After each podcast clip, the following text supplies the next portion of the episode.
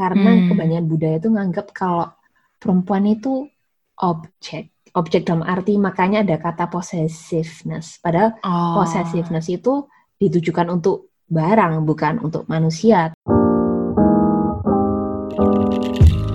Halo semuanya, selamat datang di podcast Abjad Tersirat dan kembali lagi sama gue Yunita atau Acing. Nah, di segmen teman baru kali ini kita kedatangan seorang teman dengan suara yang menurut gue spesial banget. Kalau kalian dengar suara yang satu ini, kira-kira bisa nebak nggak teman baru kita ini siapa? You cannot, you are not entitled to stop me from being who I am. So express you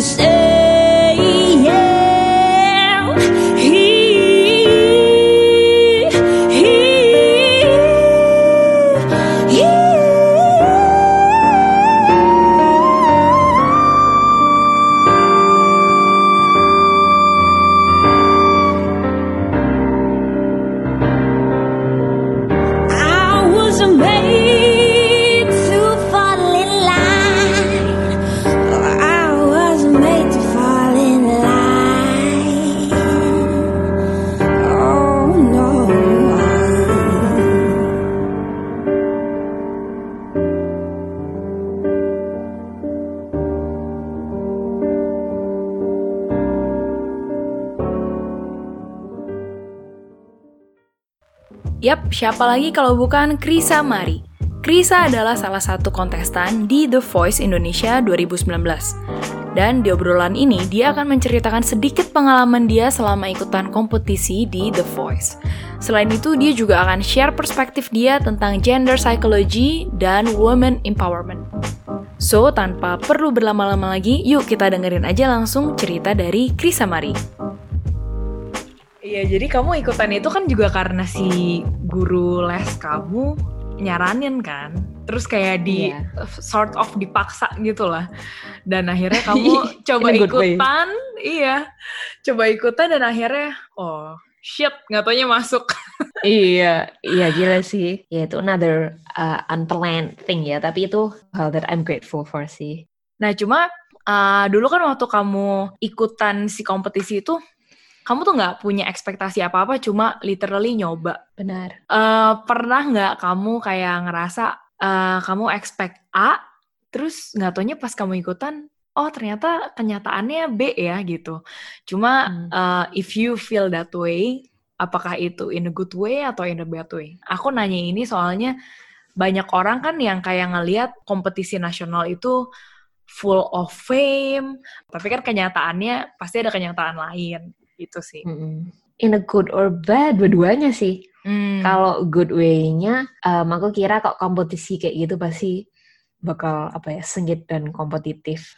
Nah terus karena ngerasa senasib jadi kayak ya berjuang bersama. Terus um, oh negatifnya mungkin kecenderungan aku sebagai netizen adalah menerima secara face value yang aku tonton di media. Jadi aku ngira biasanya reality show tuh pasti sesuai kenyataan.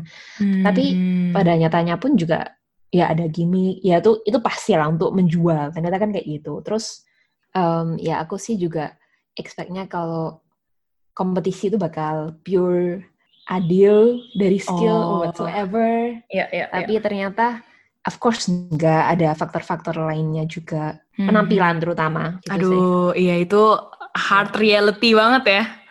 ya tapi itu realitinya ya but hard ya Iya, iya, iya. Oke. Nah, terus kamu tuh gara-gara si ikutan The Voice yang nggak taunya ternyata unexpectedly berlanjut sampai kamu Mm-mm. ke ini kan ke battle round pertama ya, paling terakhir.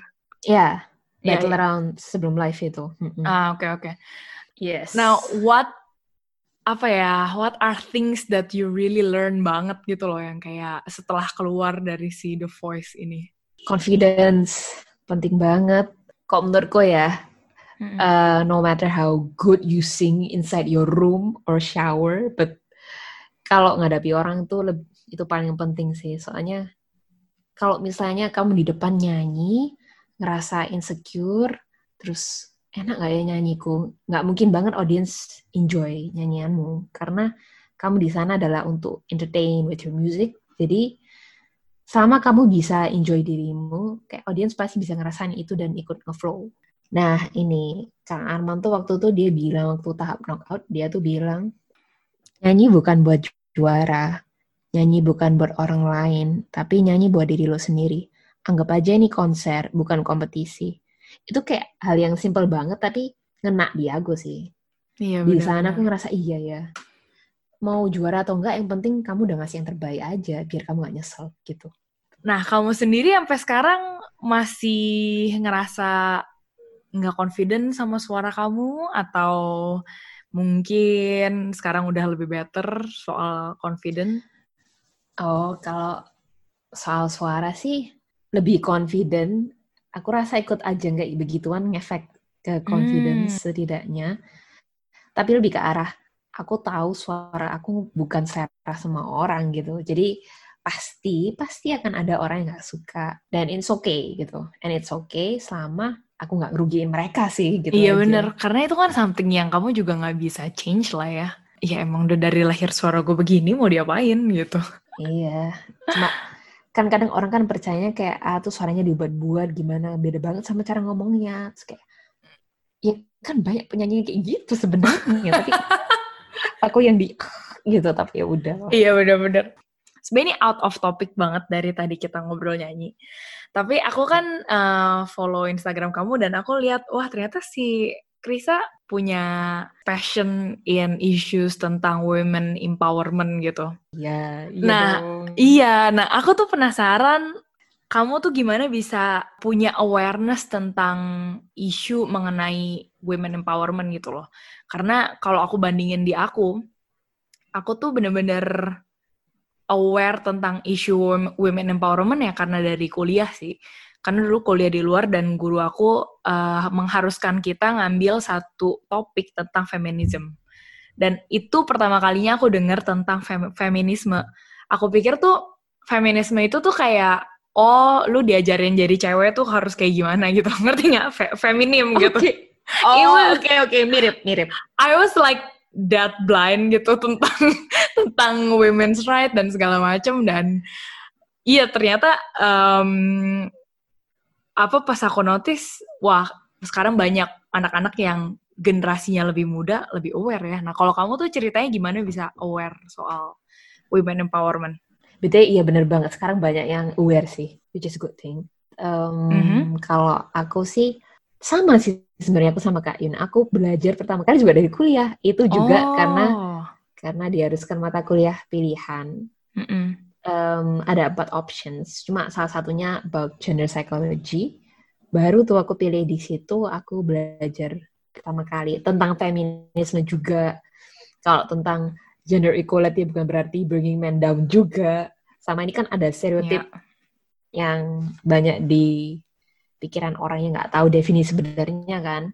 Ya dari situ sih ya aku banyak banget belajar. Oh, dan dari kelas itu kayak reflecting back ke kisah teman-temanku yang pacaran and so on kayak banyak banget seksism gitu sih sebenarnya Hmm. sampai sekarang pun. Jadi kayak iya juga itu sebenarnya haknya dia ya kok dia ngerasa obliged ke pacarnya ya kayak gitu.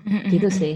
Iya, Sih itu iya, baru iya. kayak wah ini berguna banget ini kayak relatable banget juga sama aku sebagai perempuan gitu sih. Iya, iya. Dan waktu kamu lagi belajar psikologi itu, itu emang apa ya yang gender psycho psychology itu itu menarik. Aku soalnya pengen tahu itu tentang apaan emang? Itu ya kan ada empat dosen sebentar. Awalnya dia tuh ngajarin tentang gender equality dulu. Dia ceritain tentang sejarahnya feminisme juga dari first wave sampai Hmm. sekarang. Yang aku nggak hafal semuanya tentu aja. Iya, iya, iya. Terus setelah itu diajarin tentang, eh tahu nggak sih kalau ya dalam kenyataannya ada dating rape. Maksudnya kalau kamu pacaran bisa juga kamu diperkosa. Terus kayak marital rape kan Hmm. kan notionnya kan kalau orang mikir ah kalau nikah nggak mungkin diperkosa, kalau pacaran nggak mungkin diperkosa. Padahal kan justru kebanyakan rape sih terjadi dengan orang yang dekat dengan The kamu. closest with you, ya. Yes. Terus dibacain juga tuh di kelas kasus ada marital rape gitu di di Kalimantan. Terus waktu aku dengerin itu kan dengan penuh penghayatan dan ngeri banget rasanya gitu loh. Apalagi tuh the first the first time baru tahu ya. Iya. Iya, first time. Iya, bener banget. Dan nyambung ke dating violence, banyak lah pokoknya. Tapi hmm. itu satu-satunya mata kuliah yang bener-bener aku tuh ngerasa, gila ini motivasiku secara internal gede banget di mata pelajaran ini. Karena menurutku inherently menarik gitu mumpung kamu juga punya ilmu tentang psikologi, uh, bisakah kamu mungkin share apa sih yang kamu pelajarin tentang violence within relationship gitu? Karena uh, kalau aku misalnya look back nih dari masa aku yang dulu baru pacaran atau baru kenal-kenal cowok dan have no idea tentang relationship, aku yeah. tuh berpikir bahwa oh kalau gue dilarang-larang sama pacar gue it's okay, it's love gitu. Itu cara dia hmm. untuk mencintai aku dengan mengekang aku dengan melarang aku nggak hmm. boleh pakai celana pendek misalnya hal kecil kayak gitu kan. Hmm, nah what is the truth actually tentang hal seperti itu? Kalau dari perspektif kamu yang belajar itu di uh, psikologi. Pada saat itu ya yang menjabat Komnas Perempuan tuh nggak salah Mariana Amarudin kalau aku nggak salah ya namanya. Dia tuh bilang kalau kenapa sih perempuan kalau dalam pacaran menganggap child sebagai tanda kasih sayang karena hmm. kebanyakan budaya itu menganggap kalau perempuan itu objek objek dalam arti makanya ada kata possessiveness padahal oh. possessiveness itu ditujukan untuk barang bukan untuk manusia tapi karena kembali lagi ke budaya patriarki yang status pertamanya adalah laki-laki perempuan sebagai makhluk sosial status kedua jadinya kayak perempuan tuh punya si cowok dalam suatu hmm. hubungan. Ya jadinya gitu perempuan menganggap kalau Jalsu sebagai oh dia dia sayang sama aku karena aku punya dia. Membuat si perempuan tuh mikir oh iya dia berhak kok untuk ngatur pakaian aku.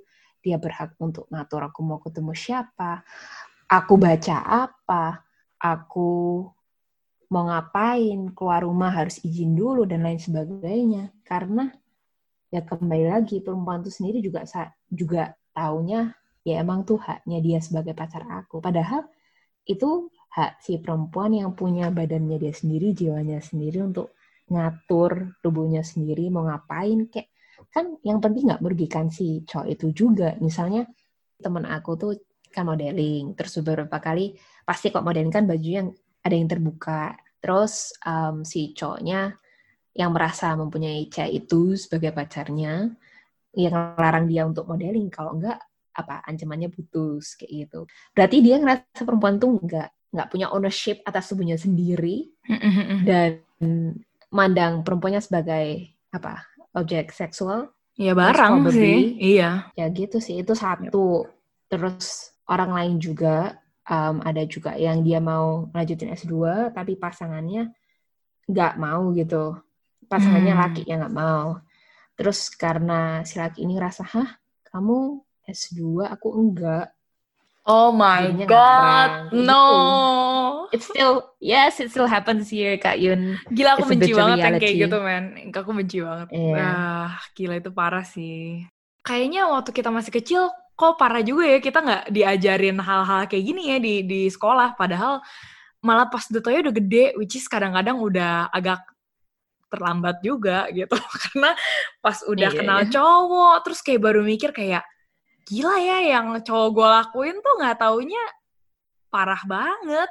Tapi aku bersyukur aku punya kakak aku. Dia ternyata juga tahu. Jadi waktu aku kenal itu aku naik dia dia ternyata udah banyak tahu sih. Dan kemudian adikku juga tahu haknya dia sebagai perempuan gitu. Soalnya sampai sekarang pun ya namanya udah berbeda generasi berbeda values. Jadi untuk menyamakan itu cukup impossible, tapi yang penting sudah disampaikan sih. Iya, iya. Kalau Kak Yun gimana? Maksudnya keluarganya tentang ini? Uh, ada sih, maksudnya ya komentar-komentar seperti itu ya. Cuma uh, beruntungnya sih aku anak paling kecil uh, dan uh, Cici sama Koko aku tuh umurnya bedanya jauh banget. Jadi they have also different perspective on that gitu. Which hmm. yang seperti kamu juga bilang ya nggak bisa paksain orang punya levelnya sama kan tentang awareness itu gitu loh. Jadi ya as long as lu nggak merugikan gue dan lo nggak melarang pilihan hidup gue ya aku nggak masalah sih gitu. Karena itu susah ya perdebatan kayak gitu Hmm. gitu. Apalagi kalau misalnya um, kamu memilih sebagai wanita untuk nggak mau punya anak. Oh my god that's like hasilnya tuh gede banget gitu loh atau misalnya kamu Iya. mau memilih jadi wanita tapi kamu lebih pilih karir daripada kamu mau menikah kayak aduh itu nggak common banget kan di Indonesia kita negeri ibu pertiwi ini gitu ah, Iya. jadi itu sih yang aku lebih berasa beruntung tapi juga gimana ya cara untuk bikin orang tua kita aware Kayak cara nyampainya supaya gak nggak menggurui gitu loh kayak nggak berasa Iya, iya, iya. kayak aku kita tuh lebih pinter daripada orang tua kita. I hmm, guess itu iya sih. bener. Well, mungkin kita tutup aja sampai sini. Eh, kalau misalnya orang-orang mau mungkin ngobrol lebih banyak sama kamu atau misalnya mau lihat karya kamu nyanyi, itu bisa cek ke mana sih, Chris? Bisa cek ke Instagram aku aja, Krisa Mary. C H R I S S A M A R Y. Nah, itu tadi obrolan gue sama Krisa Mari, dan kalau kalian mendapatkan sesuatu dari obrolan ini, jangan lupa untuk follow podcast Abjad Tersirat dan feel free untuk share episode ini ke teman-teman kalian yang mungkin membutuhkan. Dan kalau kalian kepikiran a certain topic atau orang yang mau diundang di segmen teman baru ini, bisa langsung ngobrol-ngobrol sama gue di Instagram at abjadtersirat atau di email abjadtersirat at gmail.com. So, see you for the next episode and bye! Cuplikan lagu yang ada di awal episode adalah cover dari lagu berjudul Fall in Line yang dinyanyikan oleh Christina Aguilera dan Demi Lovato. Terima kasih untuk orang-orang yang sudah bekerja di balik layar untuk membantu pembuatan cover lagu Krisamari. Recording studio by Nada Musika, mixing mastering by Eddie Hast, video by Shelly Christie, and recorded by Babel Metal.